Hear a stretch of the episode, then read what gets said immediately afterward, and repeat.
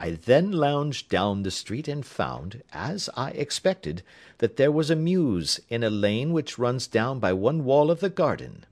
I lent the ostlers a hand in rubbing down their horses, and received in exchange twopence, a glass of half and half, two fills of shag tobacco, and as much information as I could desire about Miss Adler, to say nothing of half a dozen other people in the neighbourhood, in whom I was not in the least interested, but whose biographies I was compelled to listen to. "And what of Irene Adler?" I asked. "Oh, she has turned all the men's head down in that part. She is the daintiest thing under a bonnet on this planet. So say the Serpentine Mews to a man. She lives quietly, sings at concerts, drives out at five every day, and returns at seven sharp for dinner. Seldom goes out at other times except when she sings. Has only one male visitor, but a good deal of him. He is dark, handsome, and dashing; never calls less than once a day, and often twice. He is a Mr. Godfrey Norton, of the Inner Temple. See the advantages of a cabman as a confidant. They had driven him home a dozen times from Serpentine Mews, and knew all about him. When I had listened to all they had to tell, I began to walk up and down near Briony Lodge once more, and to think over my plan of campaign. This Godfrey Norton was evidently an important factor in the matter. He was a lawyer. That sounded ominous. What was the relation between them, and what the object of his repeated visits? Was she his client, his friend, or his mistress? If the former, she had probably transferred the photograph to his keeping.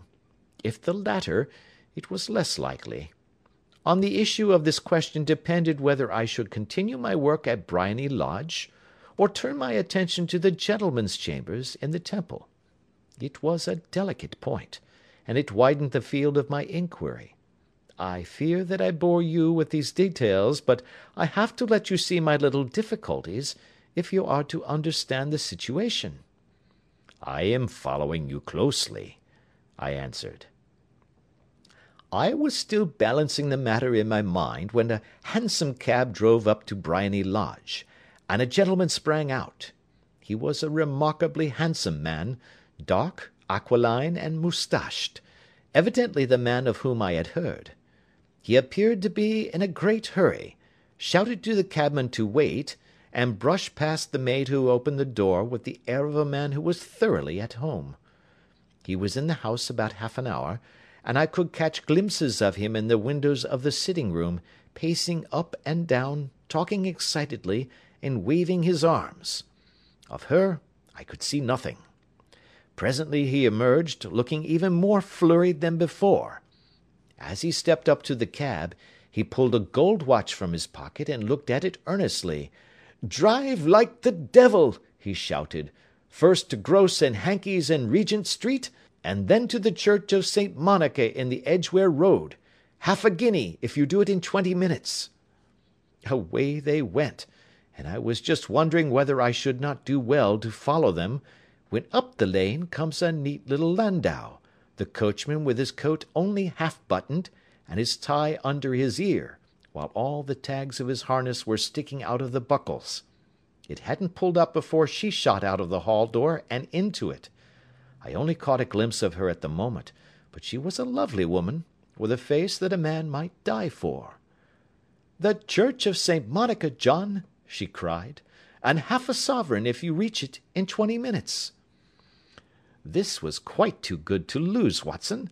I was just balancing whether I should run for it, or whether I should perch behind her landau, when a cab came through the street.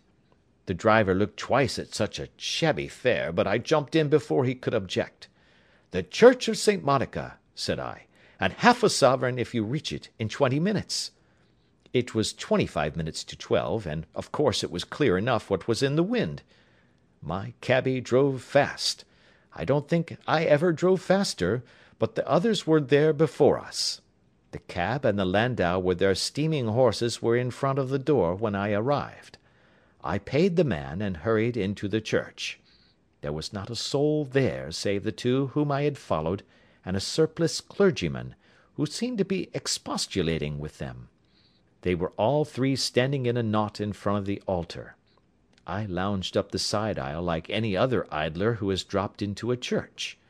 Suddenly, to my surprise, the three at the altar faced round to me, and Godfrey Norton came running as hard as he could towards me. "Thank God!" he cried. "You'll do. Come, come!" "What then?" I asked. "Come, man, come! Only three minutes, or it won't be legal." I was half dragged up to the altar, and before I knew where I was, I found myself mumbling responses which were whispered in my ear, and vouching for things of which I knew nothing, and generally assisting in the secure tying up of Irene Adler, spinster, to Godfrey Norton, bachelor. It was all done in an instant, and there was the gentleman thanking me on the one side, and the lady on the other, while the clergyman beamed on me in front. It was the most preposterous position in which I ever found myself in my life, and it was the thought of it that started me laughing just now. It seems that there had been some informality about their licence, that the clergyman absolutely refused to marry them without a witness of some sort, and that my lucky appearance saved the bridegroom from having to sally out into the streets in search of a best man. The bride gave me a sovereign, and I mean to wear it on my watch chain in memory of the occasion." "This is a very unexpected turn of affairs," said I. "And what then?" "Well, I found my plans very seriously menaced. It looked as if the pair might take an immediate departure, and so necessitate very prompt and energetic measures on my part. At the church door, however, they separated, he driving back to the Temple, and she to her own house. "I shall drive out in the park at five as usual," she said, as she left him. I heard no more. They drove away in different directions, and I went off to make my own arrangements. "Which are?" "Some cold beef and a glass of beer," he answered, ringing the bell. "I have been too busy to think of food, and I am likely to be busier still this evening. By the way, Doctor, I shall want your co operation." "I shall be delighted." "You don't mind breaking the law?" "Not in the least." "Nor running a chance of arrest?" "Not in a good cause." "Oh, the cause is excellent." "Then I am your man." "I was sure that I might rely on you." "But what is it you wish?" "When Mrs. Turner has brought in the tray I will make it clear to you. Now," he said, as he turned hungrily on the simple fare that our landlady had provided, "I must not discuss it while I eat, for I have not much time. It is nearly five now. In two hours we must be on the scene of action. Miss Irene, or Madame rather, returns from her drive at seven. We must be at Briony Lodge to meet her." "And what then?" "You must leave that to me. I have already arranged what is to occur. There is only one point on which I must insist. You must not interfere, come what may. You understand?" "I am to be neutral?" to do nothing whatever. There will probably be some small unpleasantness. Do not join in it. It will end in my being conveyed into the house. Four or five minutes afterwards the sitting room window will open. You are to station yourself close to that open window. Yes. You are to watch me, for I will be visible to you. Yes. And when I raise my hand, so, you will throw into the room what I give you to throw, and will, at the same time, raise the cry of fire. You quite follow me?" "Entirely."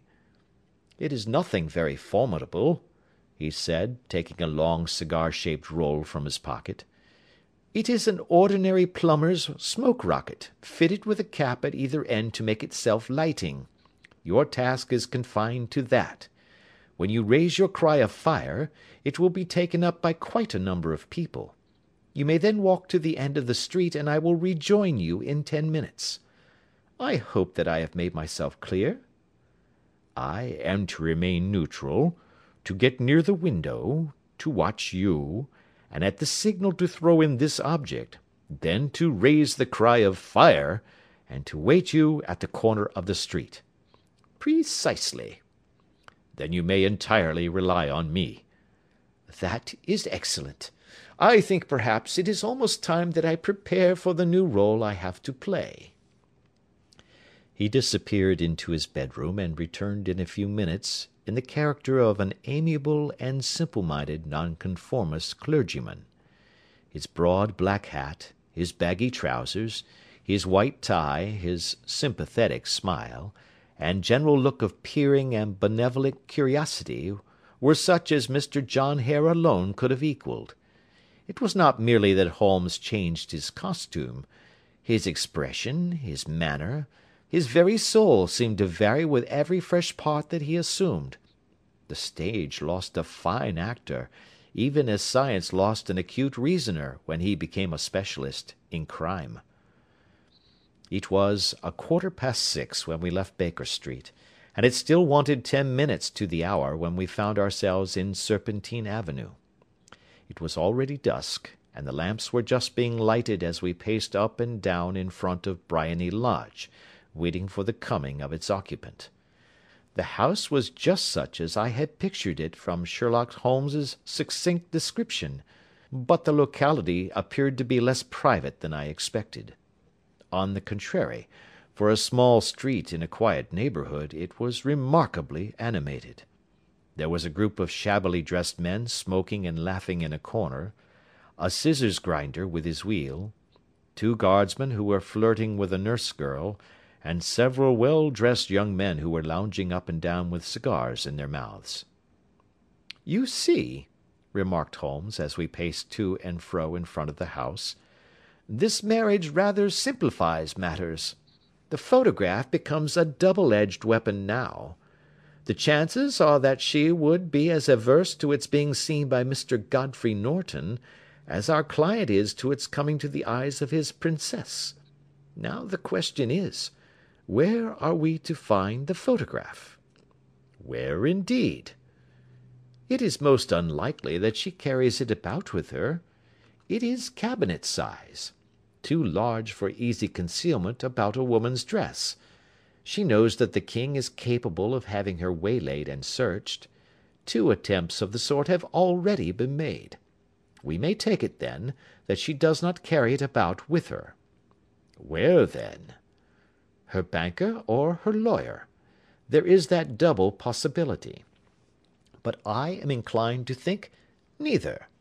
Women are naturally secretive, and they like to do their own secreting. Why should she hand it over to anyone else? She could trust her own guardianship, but she could not tell what indirect or political influence might be brought to bear upon a business man. Besides, remember that she had resolved to use it within a few days. It must be where she can lay her hands upon it. It must be in her own house. But it has twice been burgled. Pshaw!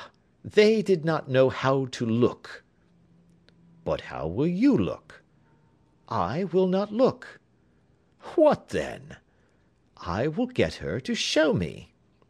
But she will refuse. She will not be able to. Ah, but I hear the rumble of wheels. It is her carriage. Now, carry out my orders to the letter. As he spoke, the gleam of the side lights of a carriage came round the curve of the avenue.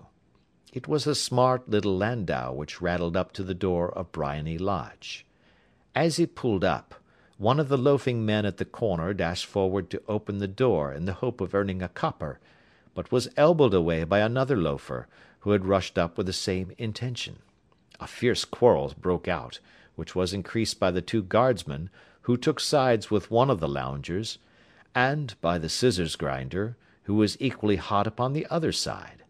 A blow was struck, and in an instant the lady, who had stepped from her carriage, was the centre of a little knot of flushed and struggling men, who struck savagely at each other with their fists and sticks.